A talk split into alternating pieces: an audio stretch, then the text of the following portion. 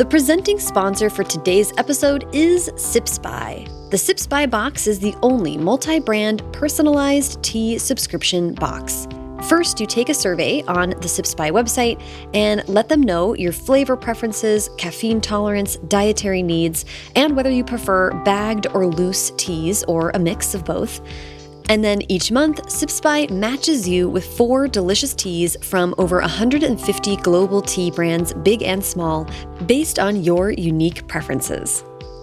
Gift cards and subscriptions are available at www.sipsby.com. And First Draft listeners can use the code DRAFTSIPS for 50% off your first Sips By box at sipsby.com. I just got my COVID booster shot. I went for uh, two Pfizer's and a Moderna. Thank you, Dolly. Um, so I'm feeling a little bit, you know, my arm is sore. I'm having some kind of achiness, just your typical um, booster shot after effects. So instead of the um, roll out of bed and have a rock fall on you level of caffeine that I engage with with coffee every morning, I'm going to go with something that Sips By sent me in my November box. This is the Organic Peach and Ginger Moringa Tea by Miracle Tree. This is a caffeine free option, which I'm loving right now. Moringa is a superfood rich in vitamins, minerals, and amino acids. This blend combines irresistible flavors of fresh peach and ginger. That sounds perfect for me today. I'm definitely going to opt for that over a, you know, sometimes a cup of coffee can just make you like a hollowed out husk of a person. And I'm, I'm not trying to do that today. So thank you, Sips By, for giving me an alternative. Be sure to follow at Sips By, that's S I P S B Y, on Instagram for weekly giveaways and more. And don't forget to use the code DRAFTSIPS for 50% off your first Sips By box at sipsby.com.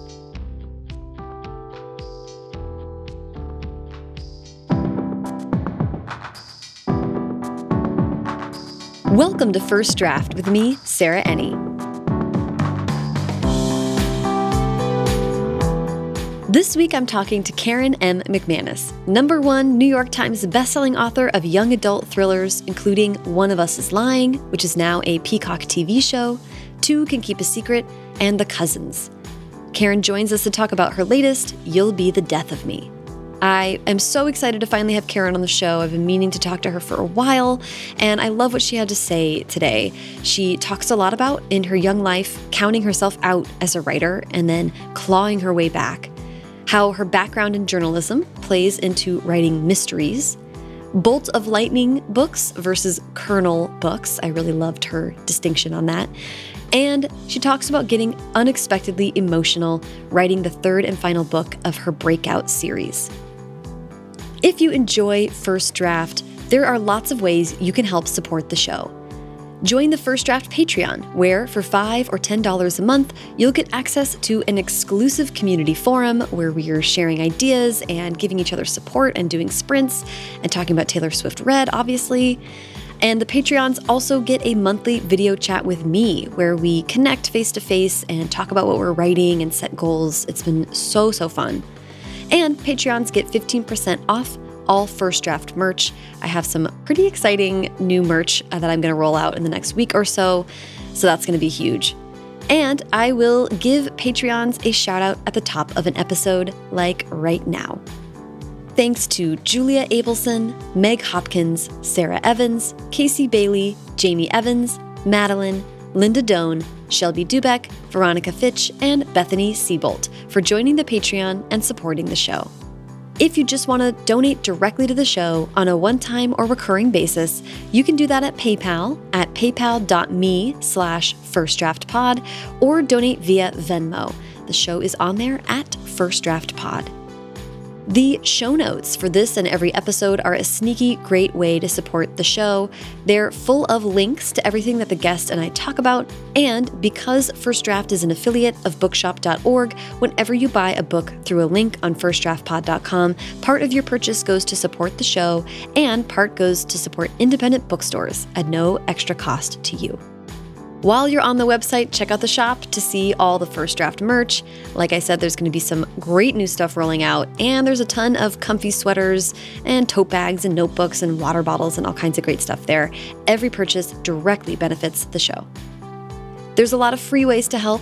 Subscribe to the podcast on whatever app you're listening to right now, and leave a rating and review on Apple Podcasts. Ratings are awesome, but I read the reviews in the end credits, so take the extra minute, it's fun and sign up for the First Draft newsletter to make sure you never miss an episode and hear about news and upcoming events.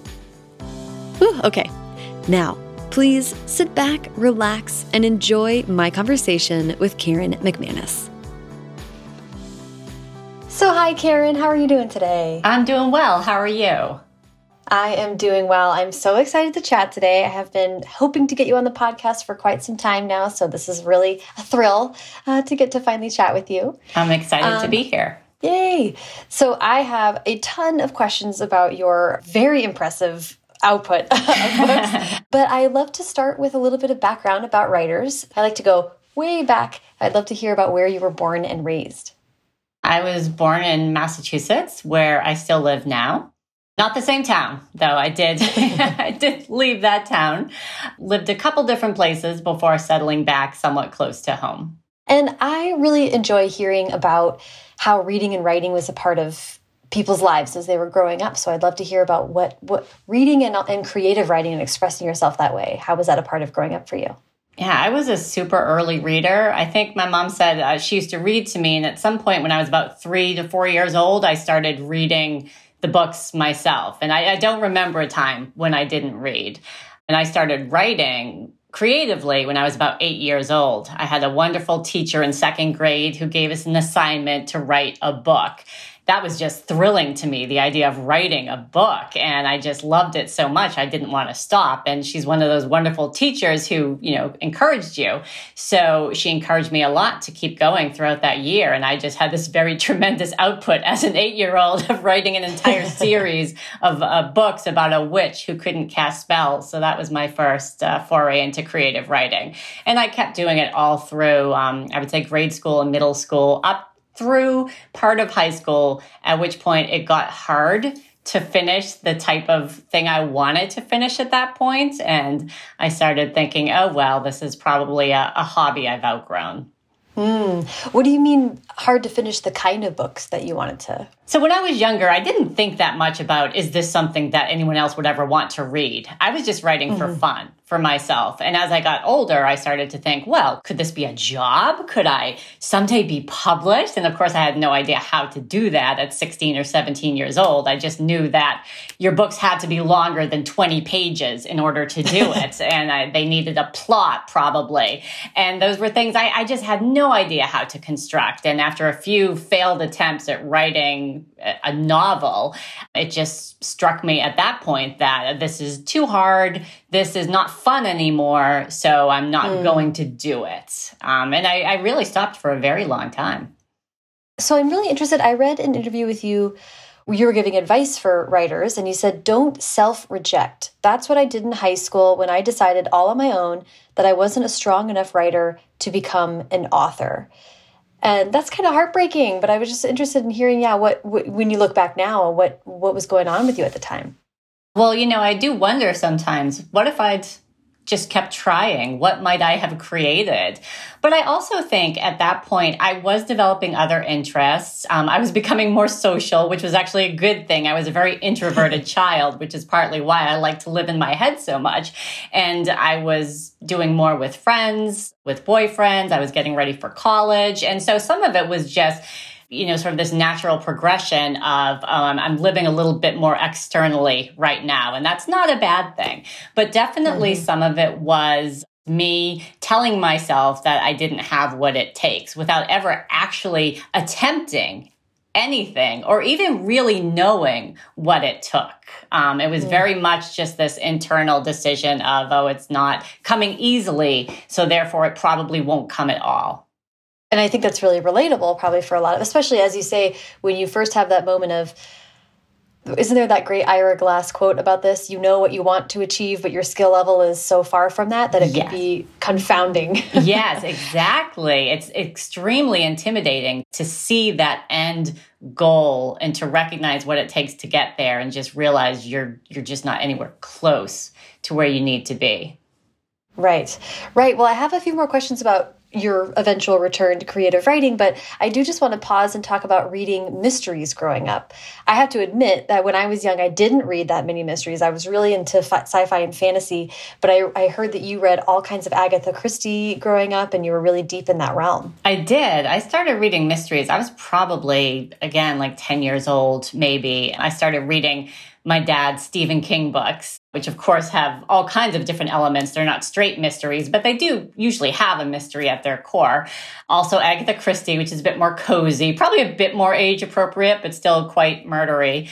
Um, and my mom would read Mary Higgins Clark, also mysteries. So I would grab those and I would read those, and I would read you know Nancy Drew. I would anything I could get my hands on. Lois Duncan, I loved mm. back then, sort of the original, you know, young adult mystery mm -hmm. author. So I read mm -hmm. a mm-hmm. lot of mystery growing up. What do you think was really compelling about that type of story for you as a young reader? I think, you know, I was a very anxious kid and I was always waiting for something terrible to happen. and I think mysteries were weirdly soothing in that terrible things did happen and, and people dealt mm. with them. And mm. I could experience that journey kind of on my own time frame. I could mm. see people, you know, solving problems and coming up with coping mechanisms and forging connections with other people that would help them get through whatever they were getting through. And and there mm. was something uh, compelling about that for me. And also, I think I just loved a good mystery. I liked not knowing what was going to happen next. I liked -hmm. feeling compelled to keep flipping pages. That's so interesting. That's what a lot of people who write horror or darker stories often say that it was actually soothing just to look right at yeah all of the yeah. anxiety they might have had or what they were scared of and dealing with and there is some something cathartic and i want to talk about this in a little bit when we talk about writing in specific murder mysteries this looking right at a thing is as you say developing coping mechanisms it's such an interesting way of kind of dealing with what's genuinely real and scary in our in our lives.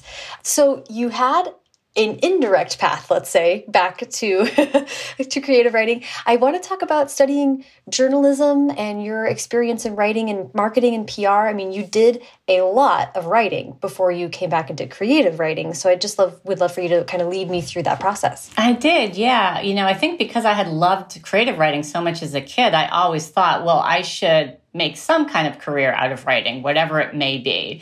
And so. I mm-hmm. started out in very general communications. I then moved on to public relations. And at a certain point, I was tired of that. I wanted to do something new. I thought, journalism is related. I work with journalists all the time, but it's different. It's more writing focused. So I think I would like to do that. And so I got my master's degree while still working full time. And then I finished my master's degree and decided, no, I don't actually want to be a journalist after all. I didn't enjoy writing news stories or nonfiction that wasn't as interesting as I had hoped it would be. And so instead I segged into marketing. And again, I'm constantly writing, but there's, and mm-hmm. there's creative elements to it, but it's obviously not fiction. So I think I was always you know, in a strange way, building toward trying to get back to that first thing that I loved so much and trying all mm-hmm. sorts of different ways to fulfill myself creatively. And none of them quite worked. I had jobs that I enjoyed, but they were the kind of jobs that when I left at the end of the day, that was it. I did not think about them again. It's not mm-hmm. like fiction writing now, where I would very happily be up 23 hours out of the day working on my book when it's uh, when it's really flowing. Mm-hmm.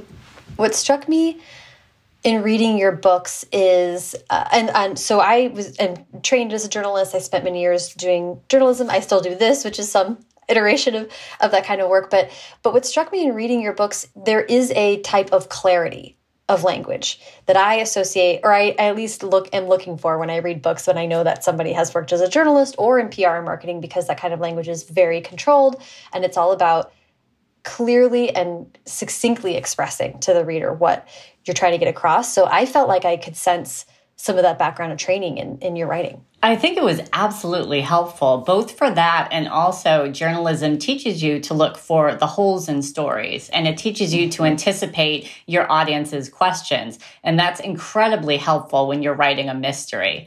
I would say mm. also, too, I, I, continue to be very interested in journalism as a profession. And almost every one of my books includes some type of news element. You know, there's a reporter, there's a story, there's something that captures the attention of the media and maybe snowballs a little bit. And I like looking at the effects of that. So I don't consider it at all a waste of time. I mean, I don't think anything where you learn something new is a waste of time. But for me, just where my career ended up, it's actually been very beneficial. I would love to hear about the origin story for you as a writer has to do with reading The Hunger Games, I think. I'd, lo I'd love to hear that story. Yes. So this was, I guess, was about 2014. And at the time, I was working for a font company and I was doing a cross country flight to, I think it was Oregon, and I had nothing to read. So I went into the airport bookstore and I grabbed what they had on display, which was The Hunger Games, which I had kind of vaguely heard about, but I didn't know that much about it. I didn't read really any YA. I wasn't reading a lot at that time because I was so busy. And I just inhaled that book throughout that entire six hour flight. And as soon as it was over, I immediately downloaded the next two and I just got kind of obsessed with them. And not just the story, which I loved, but the voice and the young adult perspective and the way of telling a story from someone who is shaping their worldview. It just really spoke to me. And, you know, I had had moments throughout my life where I would read a book and think, oh, I love that. But then I would think, I could never do that. Because I would still mm. sometimes think about, you know, little little Karen who wanted to be an author. And I would think, yeah, you couldn't do that. But this was one of the first times I thought, I love this and I could do that. I could do something like that. Mm-hmm. And so for the first time since I was probably 16, you know, 17 years old, I actually sat down and tried to write something, which was a terrible silly ripoff of the Hunger Games. but I had so much fun doing it and I learned a lot. Like I've never taken a creative writing class. I, you know, I had never studied craft at that point. I'd never even read about writing craft. So I was just trying to figure out as I went along. And it was mm-hmm. very educational to write that terrible book and exchange it with other writers and start realizing, oh, here's where I'm weak, you know, but actually mm-hmm. also here's where I'm strong. You know, there were elements mm-hmm. of it that that people really enjoyed and that was encouraging. And so then I wrote a second book, which was still not great, but better. And at that point, I started reading more, trying to learn more about craft, reading mostly blogs. I didn't actually read books, but I was reading a lot of articles and blogs and following writers on Twitter and just trying to understand mm-hmm. pacing and character development and all those building blocks of a book. So by the time I got the idea for One of Us is Lying, I had enough skill that I could execute what was finally a good idea. You know, my first two it's just as well they didn't go anywhere because they, they weren't good ideas, but they were great practice. That's so funny. Okay, wait, there's so much in there that I want to kind of touch on really quick. Um, did you say you were working for a font company? Yeah, yeah. Uh, that's awesome. Yeah, I'm, they like um, many designed, writers obsessed with fonts. Designed and sold fonts, so it's like typography. In fact, there's a little passing reference in One of Us is Next. Um, one of the characters makes a comment about fonts and uses a very technical term that someone else mocks him for, and he says it's not nerdy to care about fonts. And that was my, you know, my little Easter egg for my former employer because I was with them when I got my book deal, and they were so lovely. I did not think at the time I would be leaving my day job. I didn't think I could. And they were incredibly supportive of the entire endeavor and so kind when I finally broke off. So I, I appreciate them a lot. That's so cool. How funny. And yeah, if anybody could appreciate, right, the written word or Exactly. They all wanted that, to know when they people. saw the cover, what's the font? it was hand lettered. I want to pause on this learning process, as you say, because I think from reading other interviews with you, tell me if I'm right about this. I have taken to understand that you basically wrote those two practice books and One of Us is Lying in about a year and a half. Yes. While you were a single mom. yes. That's right.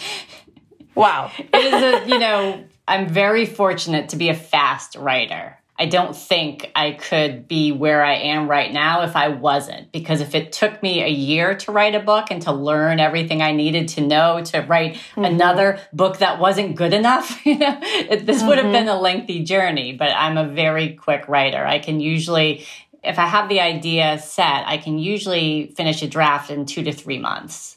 Um, and then, wow. of course, you have to revise it quite a bit, but I can get the idea on paper. So I wrote the first one, I queried it, even though it was terrible. It went absolutely nowhere.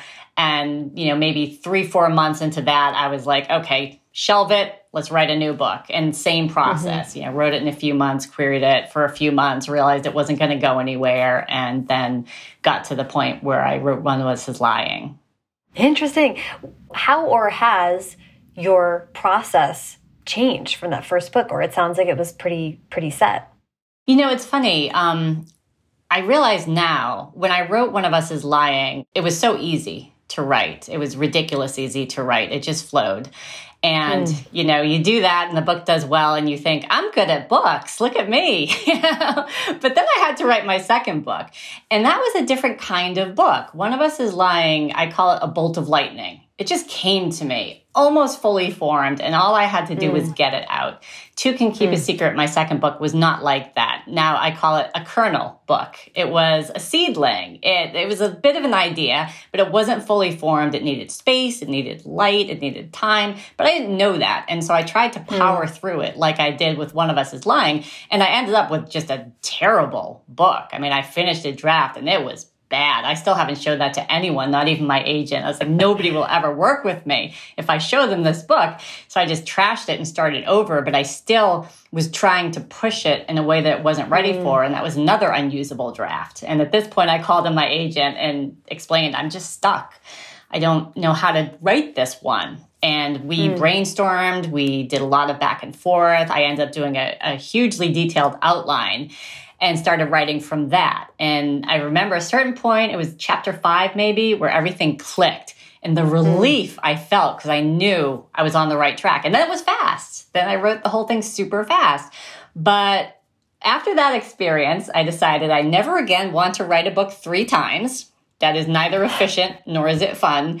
So I'm going to do all of that outlining up front because I just don't know what kind of book I'm dealing with here. And I've only mm. had one other Bolt of Lightning book. That was The Cousins that really mm. didn't change from start to finish. Other than that, there's, you know, there's always a point where I'm not quite sure where I'm going. And it helps mm. me so much to have done that upfront preparation. It's so interesting to even know that you've had two Bolt of Lightning books because I associate mystery thriller as a genre so much with intricate planning. Yeah. Mysteries are little, you know, Rubik's cubes of, of books. Yeah, I would say, you know, with those two, they are probably my most straightforward mysteries. Mm -hmm. Two Can Keep a Secret is an extremely intricate mystery. There was no way I could have the thought process just would have been very difficult to go from beginning to end with that one without kind of going through all those different exercises of figuring out different levels of suspicion and red herring. So that really mm. required a lot of plotting. One of Us is Lying is not that complicated a mystery, it's much more of a character study. Mm. And the characters mm-hmm. were very vivid to me. So they are what I think propelled that book. Right. And that, okay, so while we're talking about One of Us is Lying, I would love to just kind of, for anyone who's listening who doesn't know, if you could give us the official pitch for that book, please. Yes. One of Us is Lying is the story of what happens when five students go into detention, but only four walk out. And the fifth student, Simon, was the creator of the school's notorious gossip app. And when investigators learned that he was about to pose life changing secrets about the other four students in the room with him, they become suspects in what's now a murder investigation because his death was not an accident. So they need to deal with both their secrets coming out, these things that they were holding closely and hoping that no one would learn, and with now being part of a murder investigation. Mm-hmm. Yes. um, so good. And I, and you describe it as um, the Breakfast Club, but with murder. Yeah, and, good... and, I got the idea when I was I was driving to work to Monotype, the font company, and playing the radio, and the theme song from the Breakfast Club came on, and I just started thinking about that concept of bringing people together who seem like they have nothing in common, but you force them to interact and they realize they're not so different after all. And this was after I had been querying the second book for a little while and I just knew it wasn't going to go anywhere. So I was sort of thinking mm. about, okay, what's next? And I thought, what if I do The Breakfast Club, but with a dark twist? And that night I started writing it. Amazing. Um, I read somewhere that it began as a largely contemporary book and some elements of the mystery came later. Is that right? Yeah, which is why I, I say it's one of my, you know, simpler mysteries. Partly because I, I was mostly interested in what happened to the people in the room you know, all of them, Simon and the four who walked out. And I was very interested in them and their relationships and what their lives were like before and after. So that was what I was focusing on. And I mean, it sounds silly now, but it did take a little while for me to fully understand that I was writing a mystery. You know, in some ways, mm-hmm. I was mm-hmm. thinking of it as a contemporary. It's about these people, it's about these characters.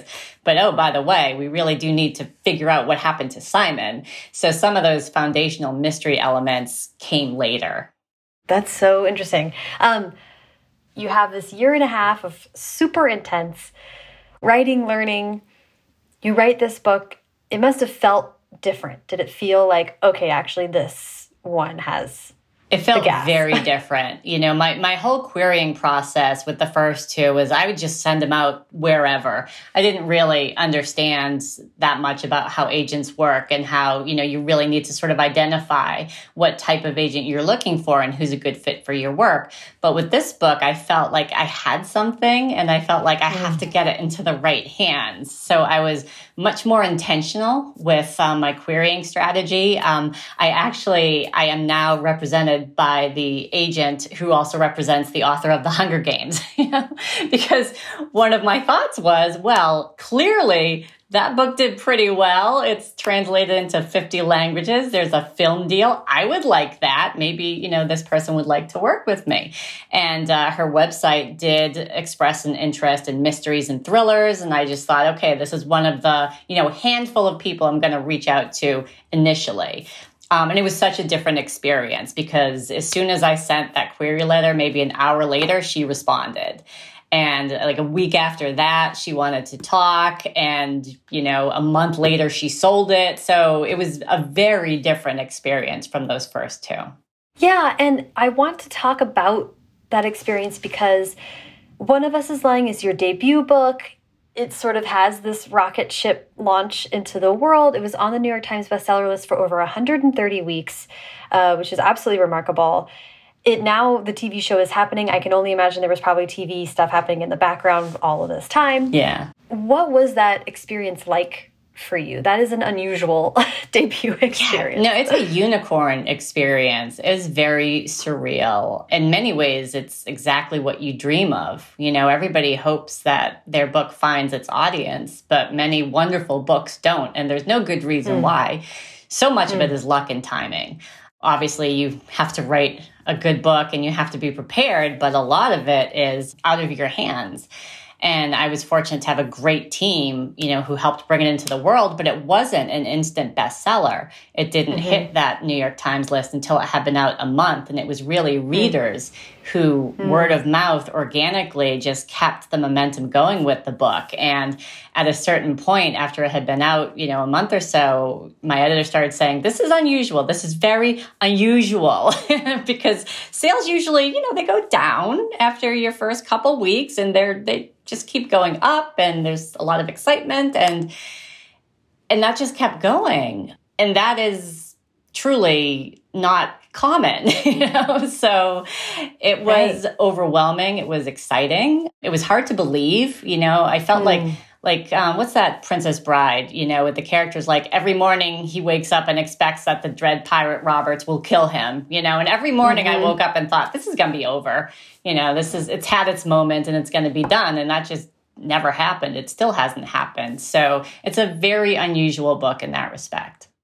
Yeah that's so interesting and it's so cool to you know, us lifelong readers understand what that means. That means that someone read the book and was like, "Oh my god, I have to immediately like shove this in the faces of everyone yeah. I know. I have to talk." You know, like you you know how powerful word of mouth is, and that launches books like this.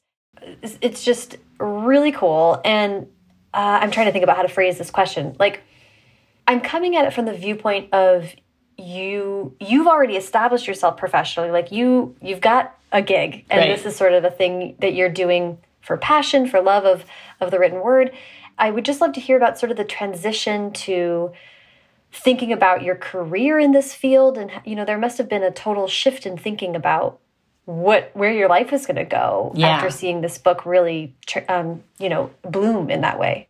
Yeah no for sure. I mean like i said i never expected to leave my day job. I thought this would be a fun creative outlet for myself and bonus you know i get to actually publish a book. That's great.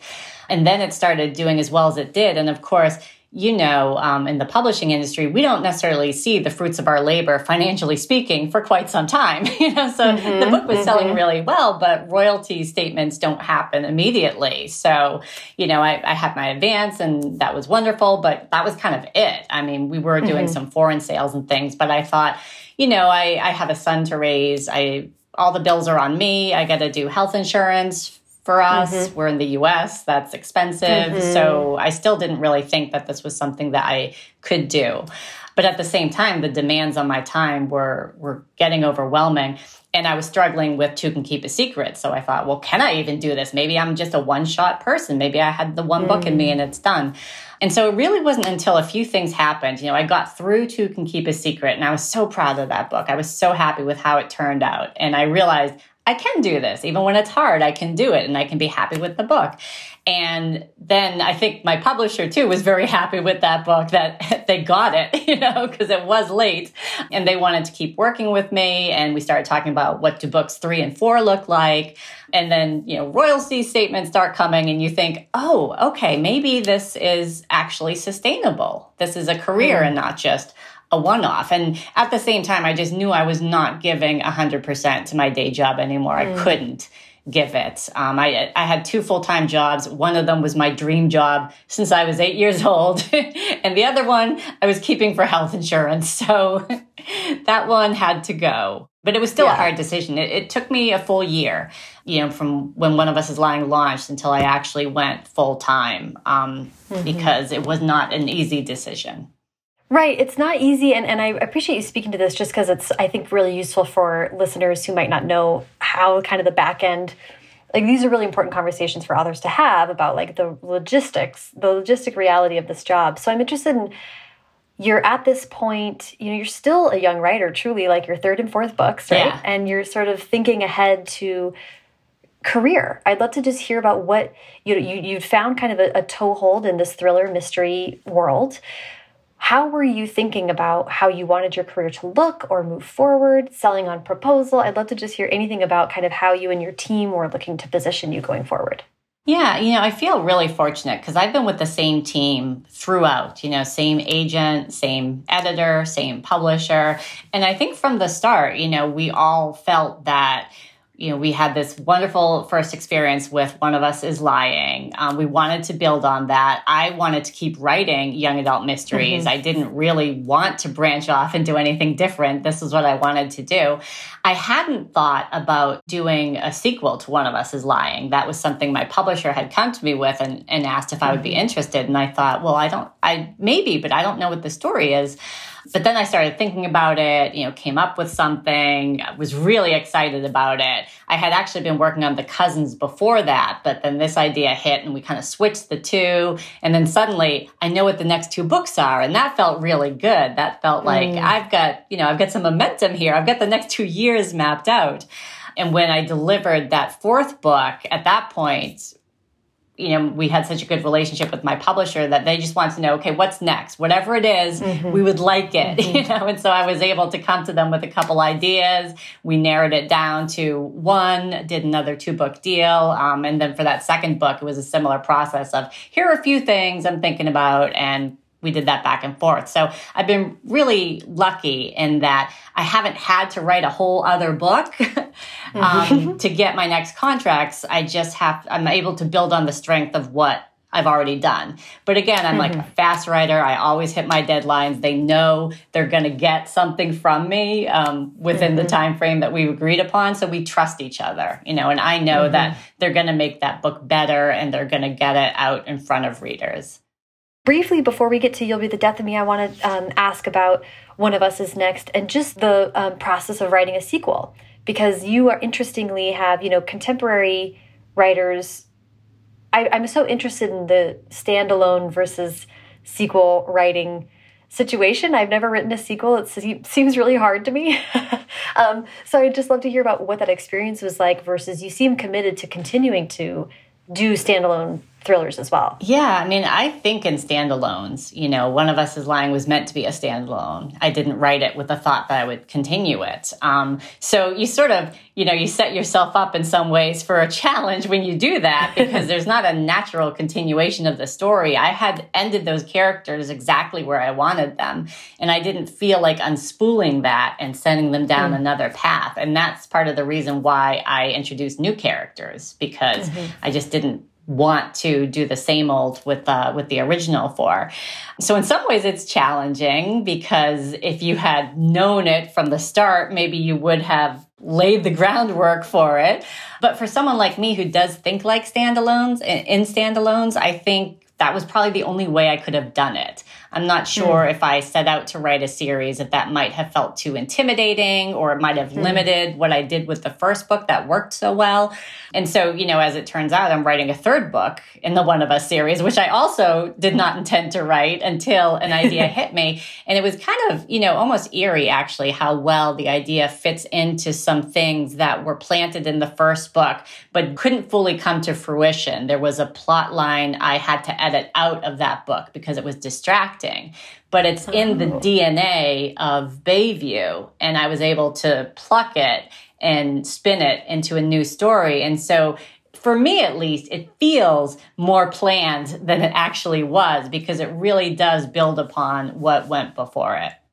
Yeah, that's so. I mean, those moments of serendipity as a writer are so special when you're they like, are. oh, part of me knew yes. uh, this whole time.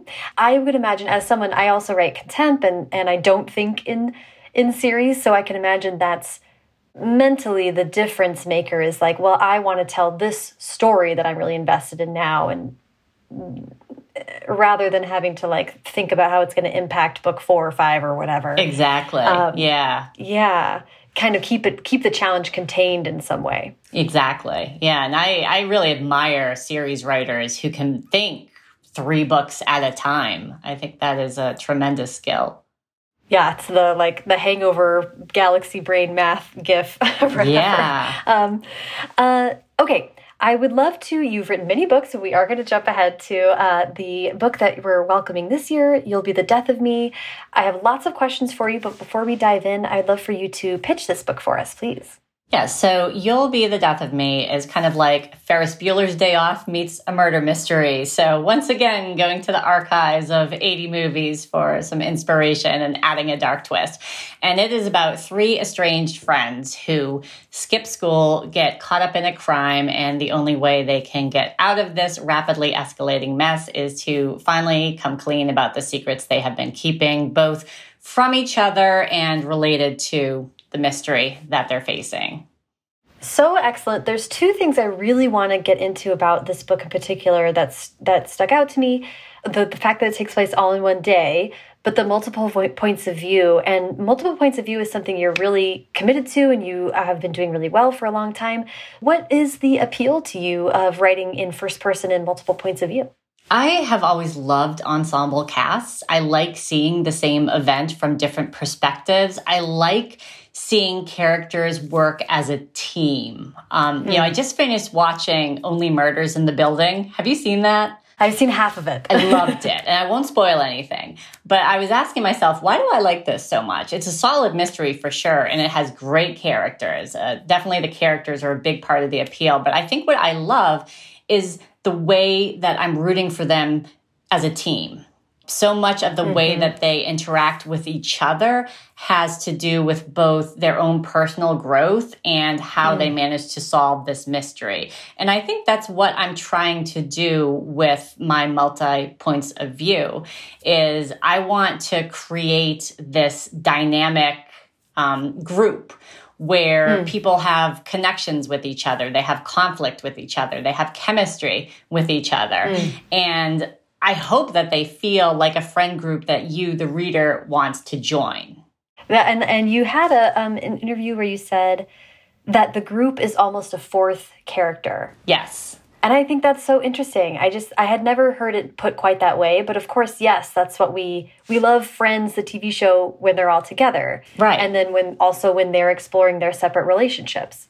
Yes, exactly. And I think when I've done it right, that's how it feels. That this amorphous fourth or fifth, depending on how many people I have, but that connection is something that has its own life and mm -hmm. its own arc, you know, in some mm -hmm. ways, because they have to grow as a group in order to grow as individuals. I was so like awestruck reading it, being like writing in the first person from multiple characters while you're seeding a mystery and withholding certain information from the reader and giving the reader enough information to propel them forward all of those things feel really hard. like, they, like they would be really challenging to do. How do you think about that? Or do you map things out? Or how do you kind of grapple with all of the things you're juggling in that respect? I always start with like, what's the hook, you know? Um, and I want to be able to say it in a sentence because I feel like hmm. that was a big problem with my first two books, is I could never easily explain what they were about. It took way too long because they were too complicated. so, you know, you can't expect to capture every aspect of the book, but I want to be able to say this book is Ferris Bueller's Day Off meets a murder mystery. And you're going to know what that means, you know, but mm -hmm. then I mm-hmm. have to figure out, okay, who's involved? Who's in this mystery? And that's where I spend a ton of upfront time is on the characters and kind of like what we said, you know, I, I develop them individually, but I also think of them as a group, you know, where are they going to like rub up against each other in conflict? Where are they going to become close? You know, at some point mm-hmm. they're going to split apart. At another point they're going to come together. You know, what are those big beats in their relationships that I'm going to want to capture? What do they want and need and what are they scared of? And all that stuff. And at that point, that's when I start thinking about the actual mystery. And I usually have like some idea, like, oh, it involves X but I don't know how it gets resolved. I don't know who did it. It's that's mm. the really tricky plotting stuff. And I would say that is what changes the most. It's that kind of headlights approach, you know, where you mm-hmm. know enough at the beginning to get yourself started, but you know you're only seeing so far ahead and you're going to have to stop and rethink it. And so I do a lot of rethinking. I usually do, you know, a pass through all the points of view you know, chapter one, mm-hmm. two, three, and then it's like, okay, where are we now? you know, chapter four, five, six, where are we now? And really play around with the outline, figure out, you know, what clues have I seeded? What mm. do I still have to see? Have these characters surprised me? You know, are there new mm. characters, side characters who burst out of nowhere and suddenly I have a vision for them? Um, and so there's a lot of that just adjusting mm. as you go along. But when it's working well, I feel like I'm a conductor and there's this vast symphony in front of me and i'm like okay over here go violins and that's like your character development and then you're pointing at the drums and that's your you know your climax moment and you just know when it all has to come in and that's a great mm -hmm. feeling. Yeah yes. Um, and i'm also hearing in there that you really do work to prioritize character uh, foremost. Yes yeah I think um, you know what I enjoy the most when I read a book is is the characters. That's what I'm there for. You know, I, mm -hmm. I mm-hmm. didn't watch Only Murders in the Building because I wanted to know who killed Tim Kono. Although I was happy to learn that, I was interested, but I want to know what's going to happen to Mabel and Charles mm -hmm. and Oliver. Mm -hmm. And I hope that's what I'm giving to my readers is I hope you enjoy the mystery, but more than that, I hope you become invested in these characters because I become very invested in them. It's the only way I know how to write a book. I was writing my sixth book over the summer. It was one of those challenging ones where I got off to the wrong start with actually two completely different characters. And I kept saying to myself, what's wrong with this book? This mystery is great. I, I was really happy with the mystery, but it just wasn't singing. And it finally mm. hit me after a weekend where I was rewriting the opening over and over again that it was just the wrong characters. They were the wrong people. And I rethought them from the ground up and that book took off. So if the characters aren't there, it's it's just not going to work. Right, right. I love that. And in You'll Be the Death of Me, Ivy, Mateo, and Cal are our three main characters whose points of view we, we get to occupy. And I was really intrigued by how exactly as you, you're saying, like their interpersonal challenges. Well, and this ties into the question of it happening all in one day because it struck me that the timing of it was so intriguing. You would not only have incidents happen to plant clues or um, I'm now struggling to think of the, the terminology, but you have plot points yeah. that are interspersed with character development points that also cause conflict to kind of build the snowball of tension that's keeping us propelled forward. So uh, I was like so struck that you know at certain points uh, characters have conflict and you're like oh no this changes now everything about the actual plot aspect of it, but it's all rooted in character. Yeah. And I was just like, from a writer standpoint, like, oh, this is so masterful. oh, thank you. You know, that was such a huge challenge. And it was what made me the most nervous because I knew I wanted to tell it in a single day. I really wanted to try that. But I thought, I'm, you know, my books are based on character development. They're supposed to go on a journey. They're supposed to become like better versions of themselves. How do you do that in a day? you know, like how right. do you have find the space for that kind of meaningful character growth? So there was a lot of um, upfront work and figuring out kind of what are these like emotional wounds that they've all been carrying with them. A lot of which has to do with the way that their friendship ended years ago, and how can they be catalysts for each other, you know, to come to some realizations during this very compressed time frame. Yeah, it, it struck me that that was such a wonderful gift you gave yourself that they had this rich backstory. So in some ways, you know, it's character world building, right? Yeah. To be like they've come back together. We get to hear about what happened back then. There are still unanswered questions from then, and over the course of the day, we sort of solve lots of different mysteries. Really. Yep. um, Always. Which is yeah, which is uh, which was so fun. Um, I read an interview where you talked about the first person, multiple points of view helps to build suspense, especially because your narrators are often somewhat unreliable. Right, right. And they don't know, you know, what the other one is thinking. So, mm -hmm. um, one of the tricks I like to use is you kind of take one character's perspective and you almost get to the point where you're finally going to give the reader some information, but oh no, you switch.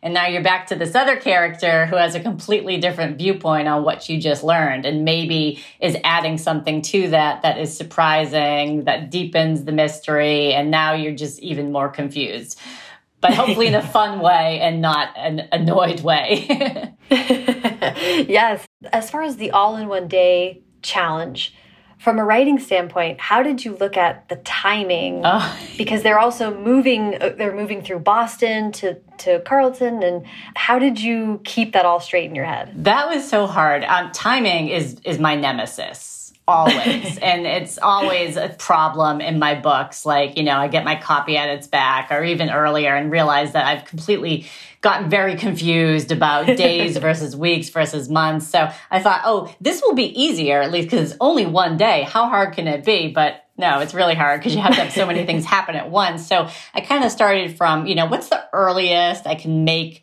things begin, like kind of before school. So we're getting in some character development before they actually meet up with each other. And then how much can I realistically move them around? And so I did have this whole spreadsheet where I was like down to the minute. I'm like, okay, at 8:10 they do this, at 8:15 this happens.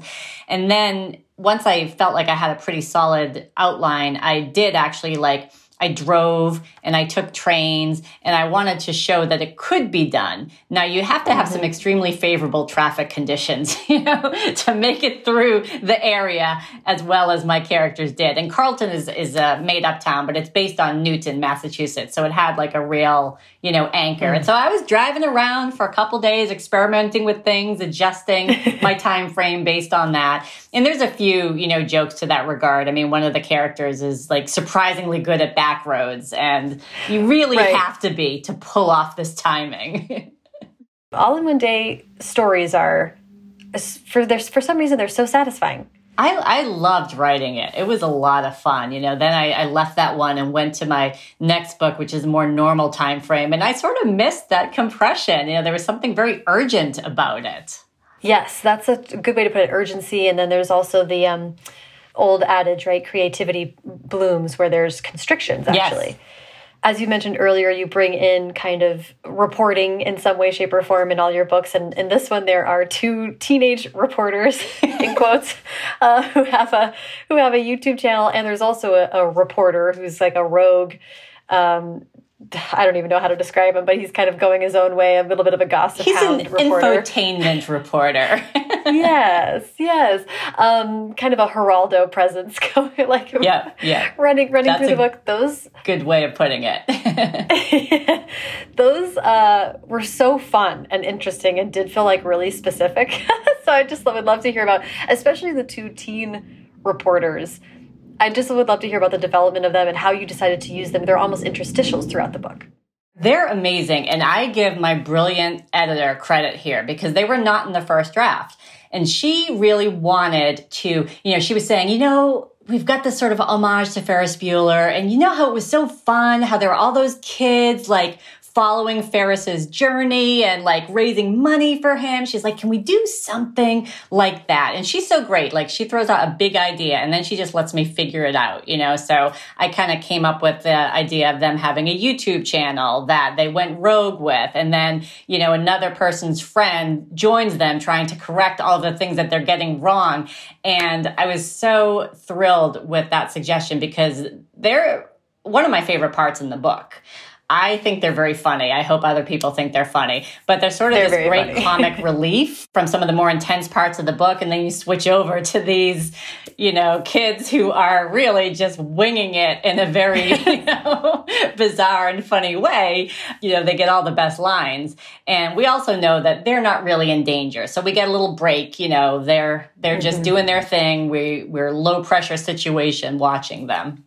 It helps to deepen the world of the book as well because yes. you're you're the mystery that's at the core of the book has a lot to do with the high school but this book takes place almost entirely outside of the high school so it's an interesting way to sort of yeah that was one of my biggest things that I wrestled with was how can you make this meaningful, you know, build the world when they're out of the world? Um, and so that was a brilliant suggestion on my editor's behalf. So thankful for her. And then we figured out some other ways too to, again, just deepen it and make the town feel like more of a character, even though they weren't in the town for big chunks of the story. Yeah. And I, I read elsewhere that you talk about that character is paramount for you, plot is second and then setting is something that you've you've talked about struggling with and it, it did feel you know it felt it's like setting favorite. was really like setting is is a, is really a big deal in this book because as we say they're moving through the world and you have the high school and outside the high school and there's Boston and so I'm just interested in just from a self development as a writer standpoint how you're thinking about setting and how you sort of work in your own drafts to make sure that that's an element that's being brought in as well. That's the thing I know I have to work the hardest on you know, I feel like dialogue comes to me really naturally. Um, plotting comes to me pretty naturally. Of course, you wrestle with the pieces, but mm-hmm. um, but it's not the hardest part for me. It really is the the world building. Um, and this is why I'm not a fantasy writer. I can't even imagine mm. how you do that when it's not real. So I know I have to take extra time for that. And my first drafts usually have very, very little, you know, placeholders like describe the building, describe the town. Mm. I just don't want to waste mm-hmm. my time on that because I know it's going to be hard for me. And I fill that in later. Um, and it did help with this particular book. And part of the reason I set it near Boston is because I lived there. I knew I'd be able mm-hmm. to map the route, and I knew also I could draw on my own experience and help build that in a more economical way than if I was trying to describe some place, you know, that I didn't know well or that I couldn't just take a quick side trip to double check something. That's part of the reason why I ask, because I think having a placeholder in a first draft, that's just a great practical suggestion, I think, for people who are struggling with certain elements of of it. In a first draft, you have permission to just say TK, more more later. yeah, exactly. Describe the bar later. Yeah. so in this book, I did have a question about, and I've been talking to, I talked to Stephanie Perkins and a couple other people who are writing sort of similar type of books at the moment. And of course, this is a murder mystery. There is a murder, and there is a character. Uh, the character who's murdered, Boney, is not a perfect character. Far from it. In fact, he's very interesting in his own right. I want to talk about cultivating a character like that and then dealing with the real repercussions of a violent act in your book. Yeah. It's the center point, the mystery elements driving this propelling pot. We're here to be entertained, but it is also a real frightening, right. intense thing. So I, I would love to hear about how you think about that when developing your stories. With the character of Boney, it's it's challenging because we don't really meet him at all. Um, mm -hmm. We mm-hmm. we meet um, him through memories of the other character and through um, you know their reactions to what happened to him. And it was one of those things where you know when i, I do write murder mysteries um, i don't write graphic ones. Um, and so part of what you don't see is what actually happens to this character. Mm -hmm. you don't even really see this character's body. You see the hint of it um, mm-hmm. because that is a, a, really tough thing to write. It's a tough thing to to take your readers through and I just didn't want to go there. I think other people do it really well, but for me, I, I, try to keep that kind of off the page. That just feels more natural to the stories that I write. So that was one thing that I just needed to figure out is, is how to do that in a way where we understand the magnitude of what we're seeing, but we're also not seeing all of it.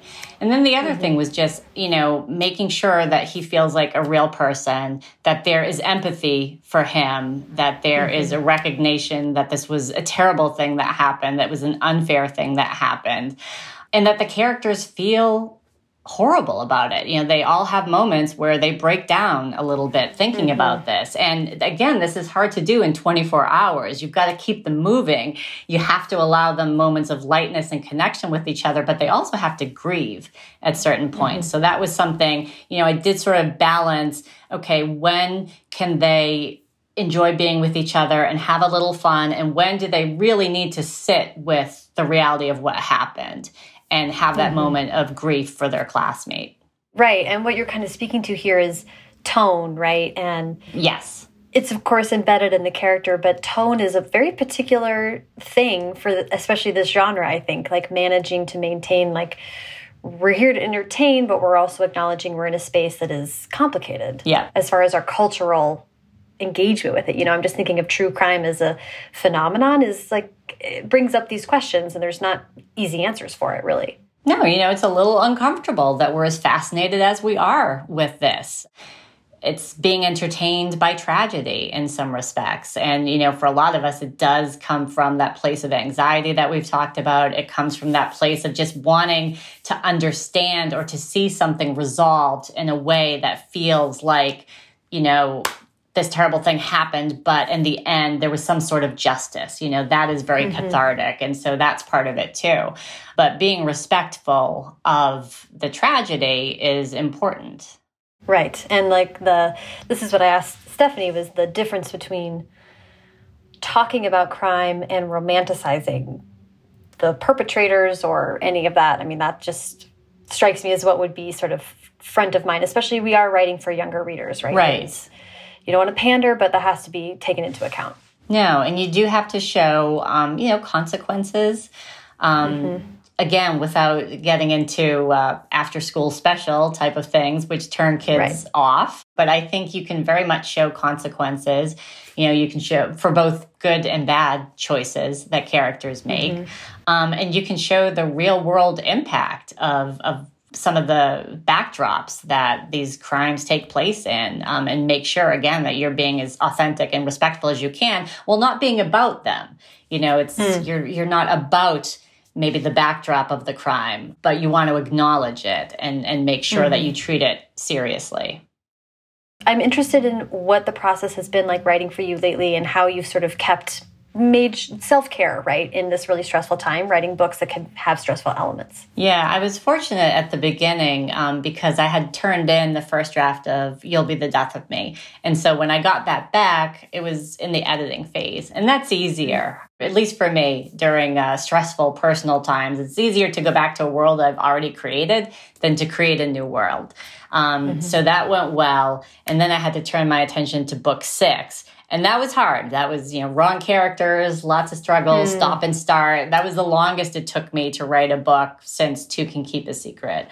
Did get there. And, and I was happy to have the distraction. I was happy to have something to work on. But the thing is when you write these books and they are intense you know and there are parts that are sad and the characters go through difficult things that um, when i'm done I, I, really do need a break i need to mm. step back i feel a little bit burnt out a little bit tired and i try to do nothing writing related for at least a few weeks and just sort of mm-hmm. get my energy back and then start up again because i have a lot of deadlines so then i wrote one of us is back um, mm-hmm. relatively quickly because that was, again, returning to a world I knew, even though it was a different story. So that one was a little bit easier to get behind. Mm. But that was also finishing that book was extremely emotional. Like, I actually really? bawled my eyes out when I finished that draft. I cried like a little baby. It was really strangely, maybe not so strange, but I wasn't expecting it super emotional to say goodbye to those characters. And that, again, required some time off before I moved on to the next thing. Yeah, that's that's so interesting to me. That's I mean because as you said before, you weren't anticipating writing a second book, and then with the second book, you weren't anticipating writing the third book. So I'm imagining you feel like at the end of the third, you're saying goodbye who yeah right. know maybe, maybe not but I, I really do feel like you can only go back to the well so many times especially with this mm -hmm. type of story set in a specific time with the same characters you, you don't want to mm -hmm. strain credulity too much um, and I feel like I'm, you know, really happy with where it ended. But, you know, I can never say never because I have obviously gone back there more than once. So who knows? Oh. But it feels like a really good place to stop.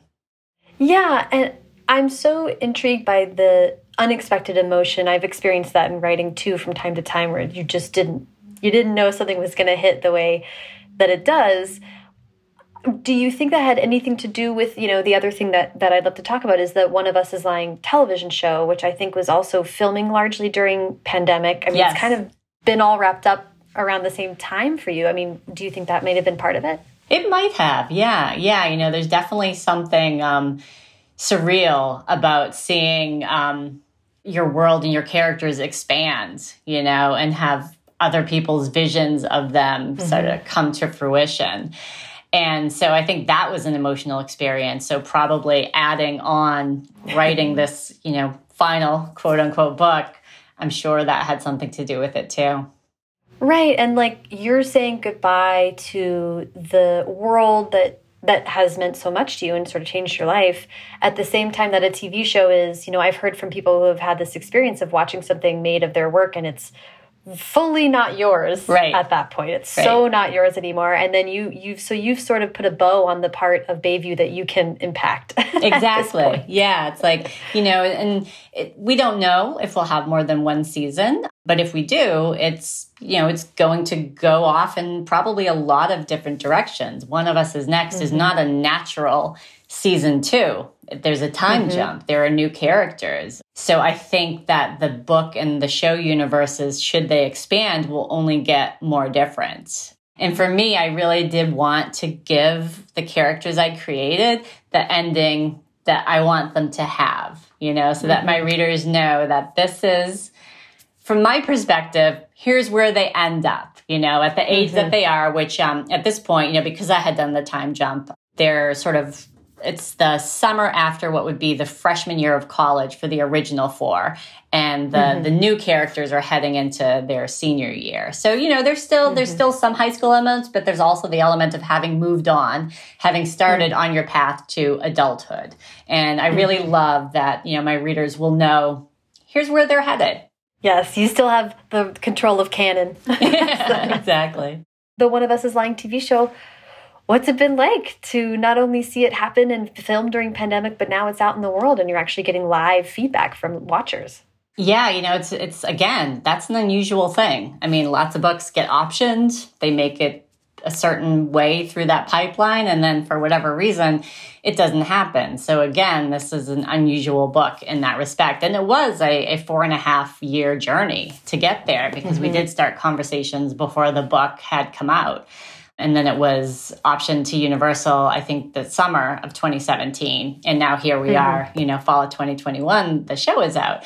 So it's surreal. It's, you know, exciting. It's, um, it's really humbling to see all these very talented young actors, all these really brilliant writers, directors, producers, all these people who are very good at their jobs taking on your book. You know, I remember going, I was able to go to the pilot shoot. I couldn't go to the rest of it because COVID. Mm-hmm. But I remember just driving into the street where they had basically taken over a bunch of the houses and there were sets being built and there's people with like headsets and clipboards and Jennifer Morrison is over there because she directed the pilot. And I'm like, all these people are here because I wrote a book. That is just wild to me. What level of involvement did you choose to have with that? Like we were talking about when TV shows need to expand on original material, were they asking you if you had any other ideas or were you just kind of sitting back and seeing what happened?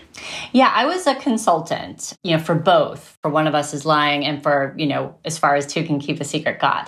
And that was, um, you know, back then when those deals were made, that was, I was like fine with that. Um, mm -hmm. And I think one of the things I learned going through the process a couple different times is that I would enjoy being involved earlier. Um, I kind of mm. liken it to if somebody bakes a cake and they ask for your help icing it. You know, uh -huh. like you uh-huh. can have an impact still on like the flavor and the appearance of the cake, but the cake is baked, you know, and it may be a mm-hmm. delicious mm -hmm. cake, but you didn't help with the recipe. And so there's another one of my books in development now, which I can't really say because it hasn't been announced, but with that one, I have more of an upfront role and I've been enjoying that. And that's not something I knew I would enjoy in the early stages. You know, I think you almost have to go through the process to know whether or not you want that level of involvement because it is a lot, you know, and it's on top of your other deadlines. But it turns out that it was something I'm interested in and, you know, I'm looking forward to expanding my knowledge in that area.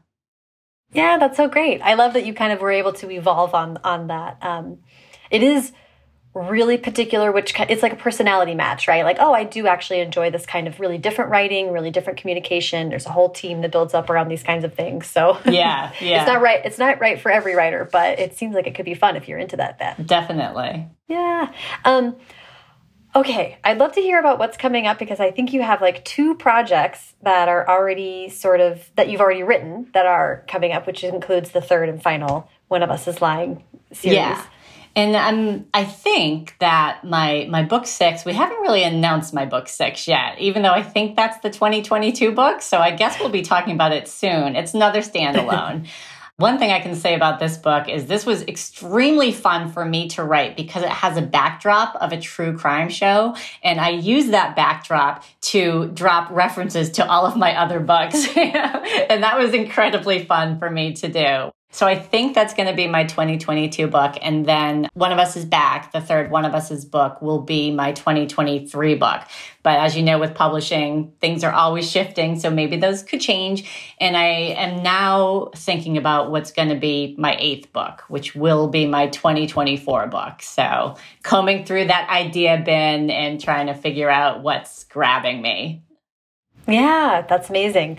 It's so wild that you debuted in 2017 and you're already onto the eighth book. I know, I know. The the pace in YA, it's really something. Um, and it does help to be a fast writer to be able to maintain it. Yeah, yeah. So you're in one of the weeks off periods right now. I am. I'm in a down period, um, but it's it's not totally down. There's definitely like stuff happening, um, but I'm not actively writing uh, a new mm-hmm. book. So what do you have anything in particular that you do that helps to ground you and kind of we were talking about burnout earlier. Yeah. To kind of process that or help you kind of recover? Yeah, I just try to spend time outdoors and spend time with my family and with my dog and um, mm-hmm. offline, you know, like mm. off social media, off email, except to check in and make sure that, you know, I'm not missing anything important and just decompress a little bit. Mm-hmm. Yeah, I'm, I'm asking because a few friends of mine and I have been talking about this recently. And I I started woodworking this summer, and I was like, Ooh. oh, this is so great. Yeah, it really gets you out of your head. yeah, that's a great way to keep yourself engaged in something new that's very different from mm -hmm. writing. And you're still making. I think this is right. a realization I had was like, oh, actually, one thing I love most in the world is just creating. Yeah. But when you are done creating a book, you need to focus on anything else for a little bit at least and, and kind of keep your sanity that way. Yeah. Um, I think cooking is great for that too. And like baking, because again, you're making something, but it's a very different kind of making. Yes, and the benefit there is you're eating healthfully, exactly. which I don't do at the end of a deadline at all. So, um, oh, this has been so fun, Karen. I really appreciate all your time today. I like to wrap up with advice, so I would just love to wrap up with maybe an aspiring writer who is interested in writing a thriller or mystery in writing within that genre. If you have any tips for for them. Yeah, you know, I always tell people first to just read widely. Um, the more mysteries you read, I think you absorb just so much of the craft. Um, you have this almost intuitive understanding of certain beats that you need to hit.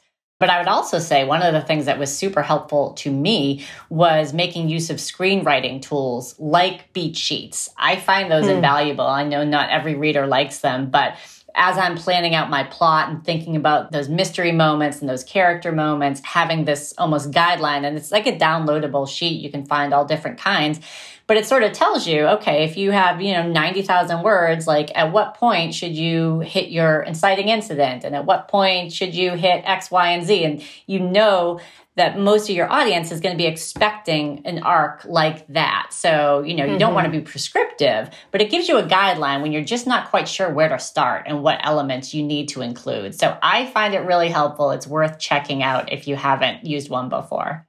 Yeah, and a really handy way to as you say like if you are going to do something completely different, having a sense of what we've because what your audience is accustomed to seeing in a storytelling arc and then you you know, if you want to do something different, you sort of can incorporate that expectation and subvert it or whatever. Yeah, so I mean, I'm the... a fan of breaking the rules. I feel like one of us is lying broke a lot of rules. It was not supposed to work, but I think you have to know them, you know, before you can yep. break them. So that would be my advice. There is, you know, don't feel like you've got to do X, Y, and Z, but know what X, Y, and Z are.